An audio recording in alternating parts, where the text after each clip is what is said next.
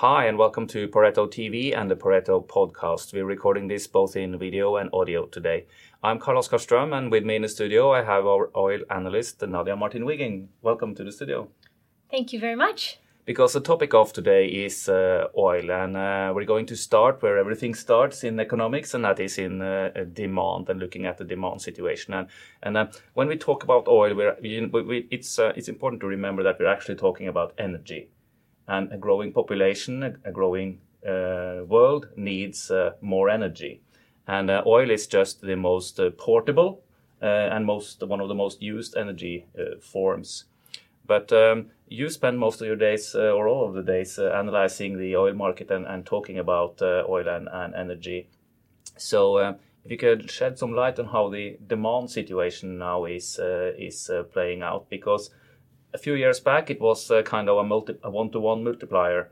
Uh, one uh, global GDP growth was one percent uh, oil demand increase, but it's been coming down lately. And then, of course, global growth seems to come down as well. So, uh, how did this play out? Yes. So, if we look at the history in terms of oil demand growth, we can see that since 1987 in the chart that we'll show, um, oil demand has averaged around 1.2 million barrels per day in year on year growth. Now, here in this chart, if we look at the end, we can see how that trajectory has come lower. So for 2019, our expected year on year growth in demand is around 0.9 million barrels per day. However, the most important thing to realize is that we still see growth yeah, coming this year. Another yes. million. Uh, and when we yeah. look towards next year, uh, we we expect growth uh, to be more than one million barrels per day, maybe as high as 1.2 million barrels per day. That depends where um, the GDP growth ends up being. Um, at around three percent GDP expected growth, we can see more than 1 million barrels per day year on year demand growth for oil. Now, to put that in a global perspective, on an absolute basis, current demand for oil is just over 100 million barrels per day. Um, so we have grown quite a lot o- over um, the period of the last 20 years. Um, now, when we compare what are the main drivers, what we've had historically, and this is what the chart on the screen shows, is that OECD demand, meaning developed countries, yeah. were driving most of that growth. Um, however, we have had s- since uh, around um, 2004, 2005 that pass over much more, and even in uh, to non OECD countries. We've only actually had since 1987 two years where we had negative year on year demand growth, and that was during the actual credit crunch. Mm-hmm. Um, so when we have a slowdown that is led by the macroeconomic environment, typically it hits the OECD countries the most. And this is where we have this trade war between China and the US. And we've seen the biggest impact actually in terms of South Korea and Japan. They're also having their own trade war, which does not help the situation. But that's when we look at our forecasts in the short term, we see negative year on year growth already um, in Asia, OECD mm-hmm. Asia, and OECD Europe. And uh, one large country that's outside the OECD in Asia is, of course, China. Yes. So um, most of the, the, the, lighter blue that we see on the chart here is uh, is uh, China demand. Yes, and India. Mm, yeah, and India, of course, as well. Yeah. Mm. So those those have been two drivers. But then when we look at how the environment has changed over the course of this year, this is looking at how forecasting has changed um, in terms of expectations yeah, for growth. Yeah, what we're having on the screen here yeah. now is OPEC's uh, own forecast, and then these two uh, agencies. Yes, in uh, including the the, yeah. the the U.S. Energy Agency mm-hmm. and the International Energy Agency, and they have been revising their their demand forecasts lower and lower. So. Um, going from 1.5 million barrels per day to 1.3 um, and 1.3 million barrels per day to 1.2. Uh, this is where we've really seen this shift. And a lot of it has actually been based on India because India has experienced uh, quite a bit of a slowdown in momentum India is still growing year on year, but their industry is very highly leveraged. Individuals are not. And However, there's much more job uncertainty and we've seen increased unemployment. And India is a very good example of a country that is moving increasingly high proportions of the population into the middle class. And so this is and the energy consuming middle class or higher energy consuming middle class. So this is where there's been a large concern as these companies become over leveraged and are unable to continue expanding that we've seen that hit in demand. And in the first five months of the year, we actually didn't see demand growth in terms of oil um, overall in India. Okay. Um, so, so that is driving these yes, exactly driving Mhm. these forecasts lower. Um, then when we think about the bigger picture, you know, how, how do we see things in the longer term? One thing that we increasingly look at is electric vehicle sales in the transportation sector. Mhm. And the first point to make is that globally, all car vehicles, all personal vehicles, light duty vehicles, sales are down year on year.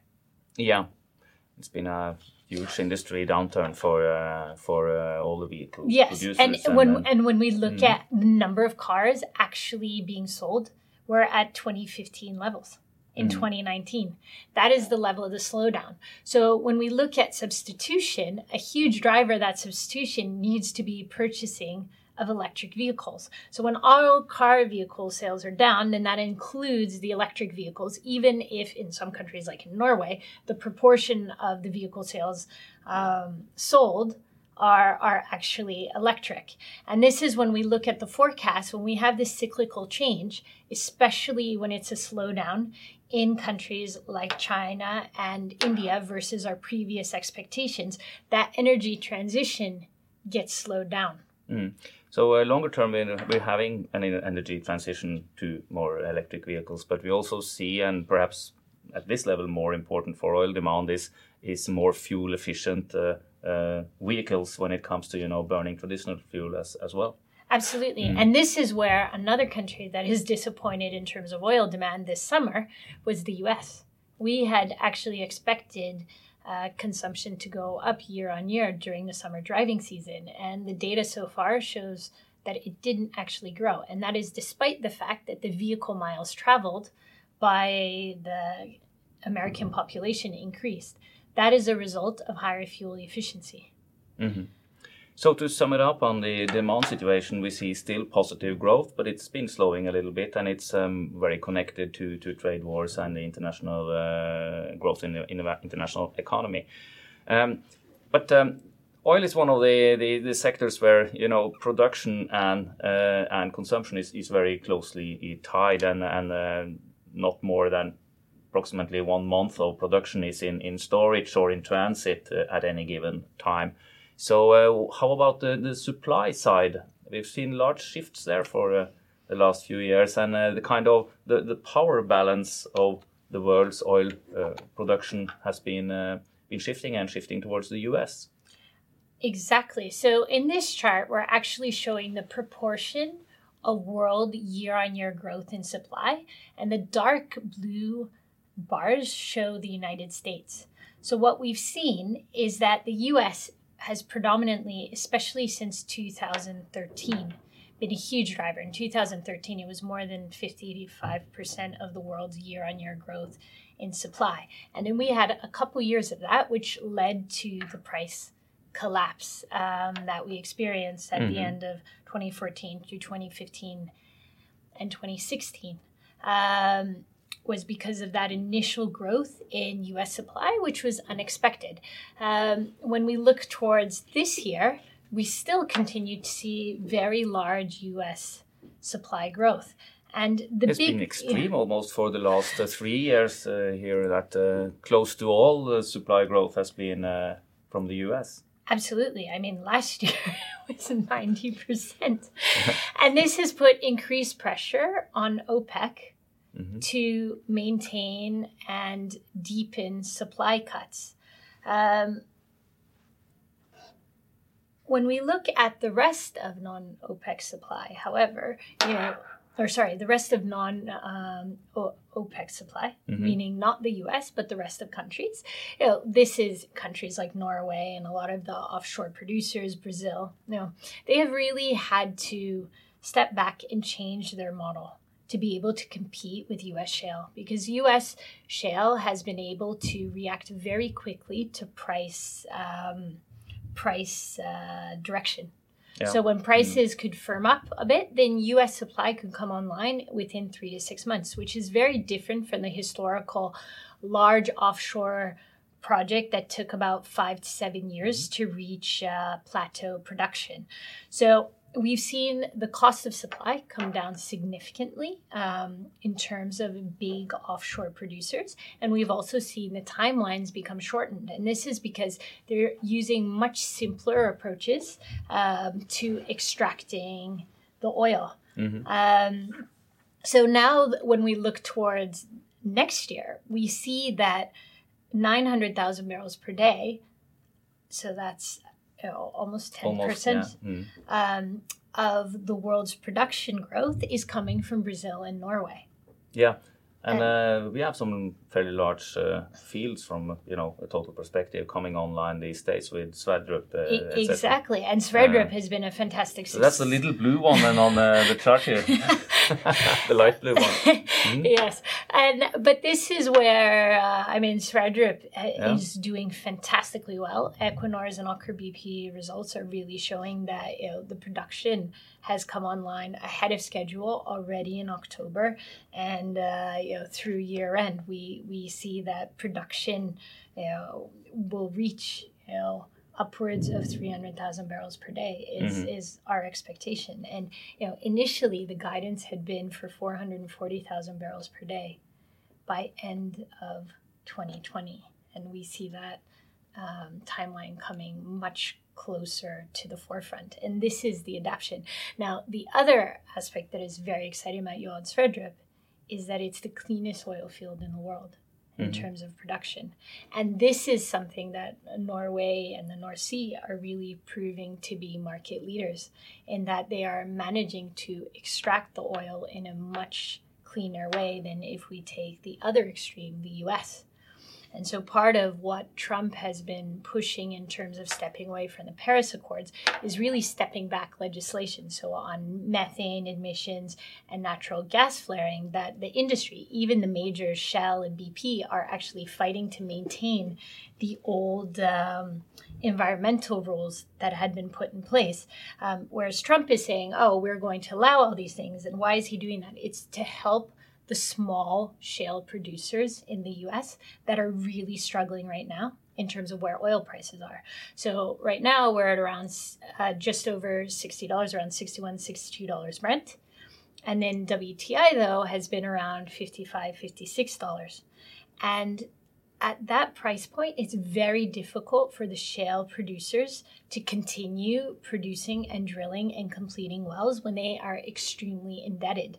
And so, what Trump is trying to do is to help these small producers because the majors mm-hmm. can still uh, produce um, shale at a profit, mm-hmm. even if they have to put in these additional costs on an environmental perspective.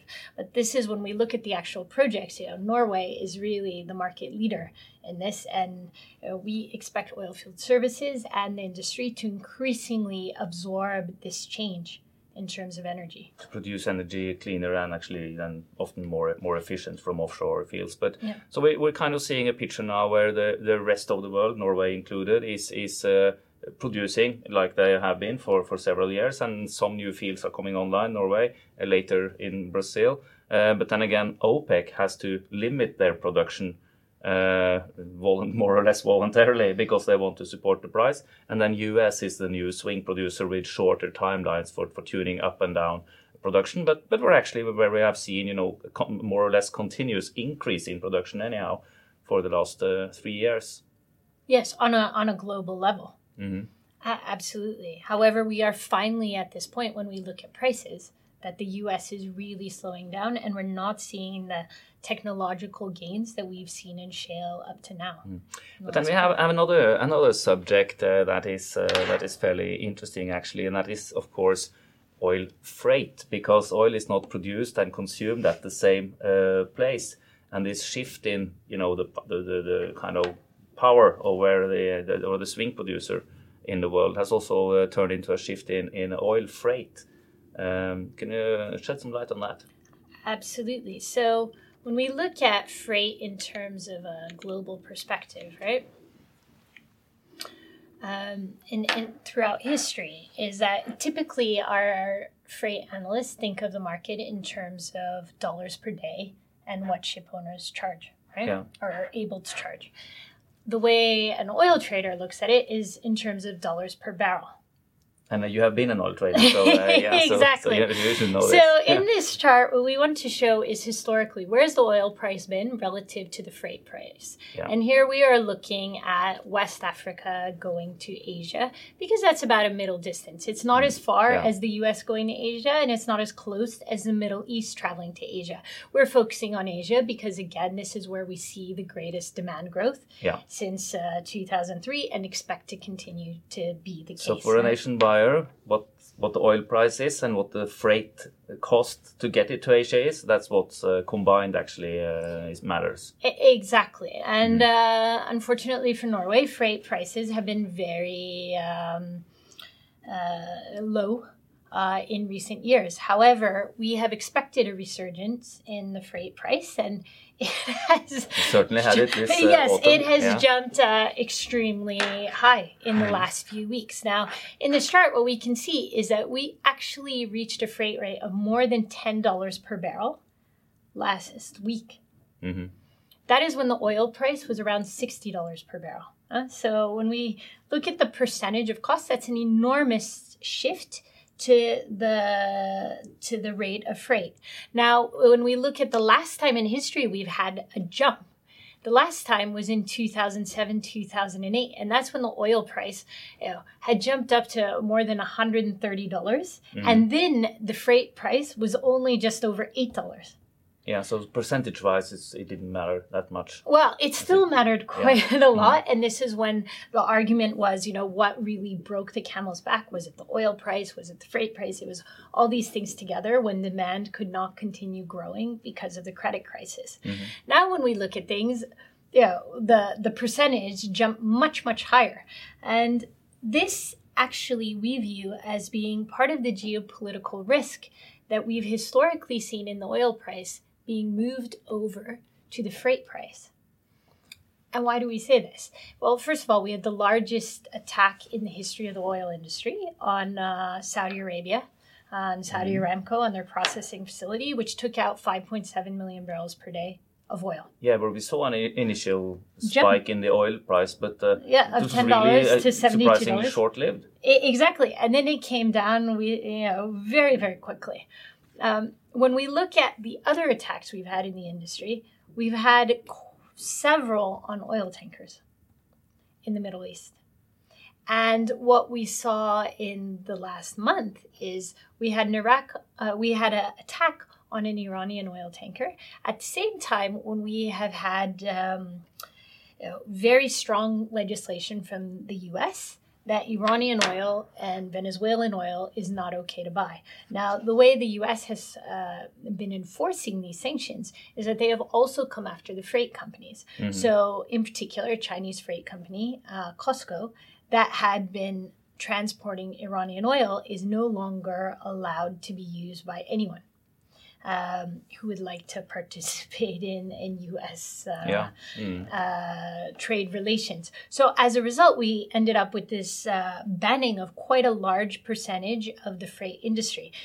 Now buyers are scared to touch any ship that has transported either Iranian or Venezuelan um, oil in the last year. At the same time, we have a huge environmental change going forward with IMO Oh, 2020, 2020, yeah. the. International Maritime Organization's crackdown on sulfur levels. So as a result, a proportion of the um, freight f- fleet has gone into service to install scrubbers. So as a result, we've lost a lot of the supply in the oil industry immediately in the short term. Mhm. And now there is the risk of even when you have the supply, what if your oil tanker is attacked in the Middle East? So that has added a premium onto the freight price that has historically gone much more to the oil price mm-hmm. rather than the freight. So now freight we kind of see it more in the freight price and and uh, instead. And um, but there's another point to this IMO 2020, and it's uh, or it's at least partly tied to that, and that is a point that you have been stressing for a while that not all oil is created equal. There's uh, various types of oil from the different uh, fields, and uh, and I think you have a slide on that one as as well. What does this uh, slide show us? Well, it's really showing how new environmental standards push OPEC out of favor. Um, as the, the purpose of the IMO 2020 legislation is for the, the world freight industry, the shipping industry, to use less polluting fuel oil mm-hmm. in their ships, right? So they kind of a, lighter, more, yeah, more kind of like the diesel that people know from from filling their cars. Exactly. Like so not heavy oil. yeah, exactly. So it's 0.5 percent sulfur. Yeah. Instead of what has been the average of 3.5 percent. So it's an enormous change. Now, when we look at how the world can actually create this type of um, fuel for the industry, we see that some types of oil are more suited than others. And specifically, it is sweet oil. So, sweet oil is oil that comes out of crude oil, is oil that comes out of the ground that has sulfur between 0 and 0.5%. Now, in this chart, we're showing how 74% mm hmm of what Norway produces fits that profile. 96% mm. actually of US shale fits that profile. So it's almost uh, all, you know, fairly light, clean oil. Yes. And then the remainder in Norway and the US is regular oil, which is 0.5% to 1%. Now, when we compare that to Saudi Arabia, 90% of what Saudi Arabia produces has, uh, in terms of oil, has a sulfur level of more than 1%. So this is when we when we look at how the world wants less sulfurous products, it's much easier to start with a less sulfurous input. And this is where our view is driven that Saudi Arabia needs to cut down their market share in the direction that the world is going. In in Norway now, you know, it's 0.1% sulfur in fuel in ships that is allowed. Mm-hmm. You know, so it's much tighter and that's even in the U.S. Uh, East Coast similar standard. So it's much tighter than the 0.5 global level, and we expect the environmental regulations to keep getting closer. So it's closer. moving in this lighter oil direction anyway. So, exactly. so, so, Saudi Arabia and, and OPEC seems to be you know between a rock and a hard place, as they they say here. Yeah. Uh, absolutely. So how do you see these playing out uh, if we are going to, to look at the the oil price and, and your forecasts for the month uh, uh, ahead. I guess. Uh, so if you take up the chart of where the history has been. I yeah, I can. The... what we have on the screen now is a chart of the oil price uh, weekly prices for the last ten years, where we can see here the the surge from 2009 into 11, and then some, some years were fairly stable price around uh, 100 to 110, and then of course the last year so of a volatile uh, market. And uh, right now we are here at uh, sixty dollars for yeah. Uh, for Brent. Yeah, sixty dollars has been where we've been sitting despite the Saudi attack. Yeah. And despite the change in freight prices, you know, so on the one hand, you know, the Saudi attack didn't pull up prices the way most of the market expected in a lasting manner, but the freight prices didn't push down oil price either. No, in so a for, lasting for a manner. buyer, it's still a fairly high price now. Yeah. it is uh, when you include the cost of freight. It is uh, quite a. It has been a strong price. Mm. Um, and so our forecast had been for you know, the these net the fourth quarter, first quarter, and second quarter of next year for prices to strengthen. You know, looking at you know a sixty eight dollar target in in the short term. Now, part of that appreciation in our view, has actually gone to freight.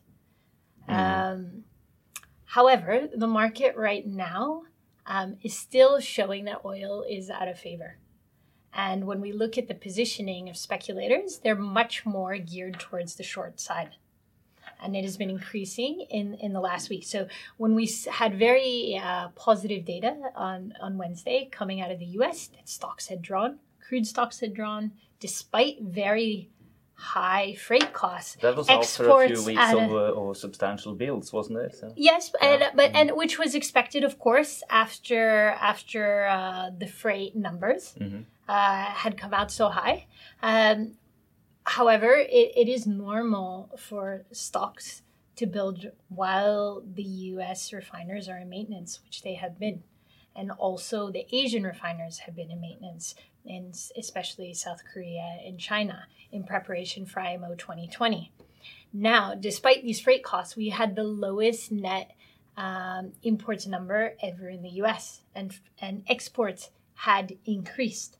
Um, in addition, refiners increased their runs, and we had stocks drawing for gasoline, which is, of course, an indication that demand is all right, mm-hmm. and also stocks drawing in diesel. So, this was very positive data on a weekly level.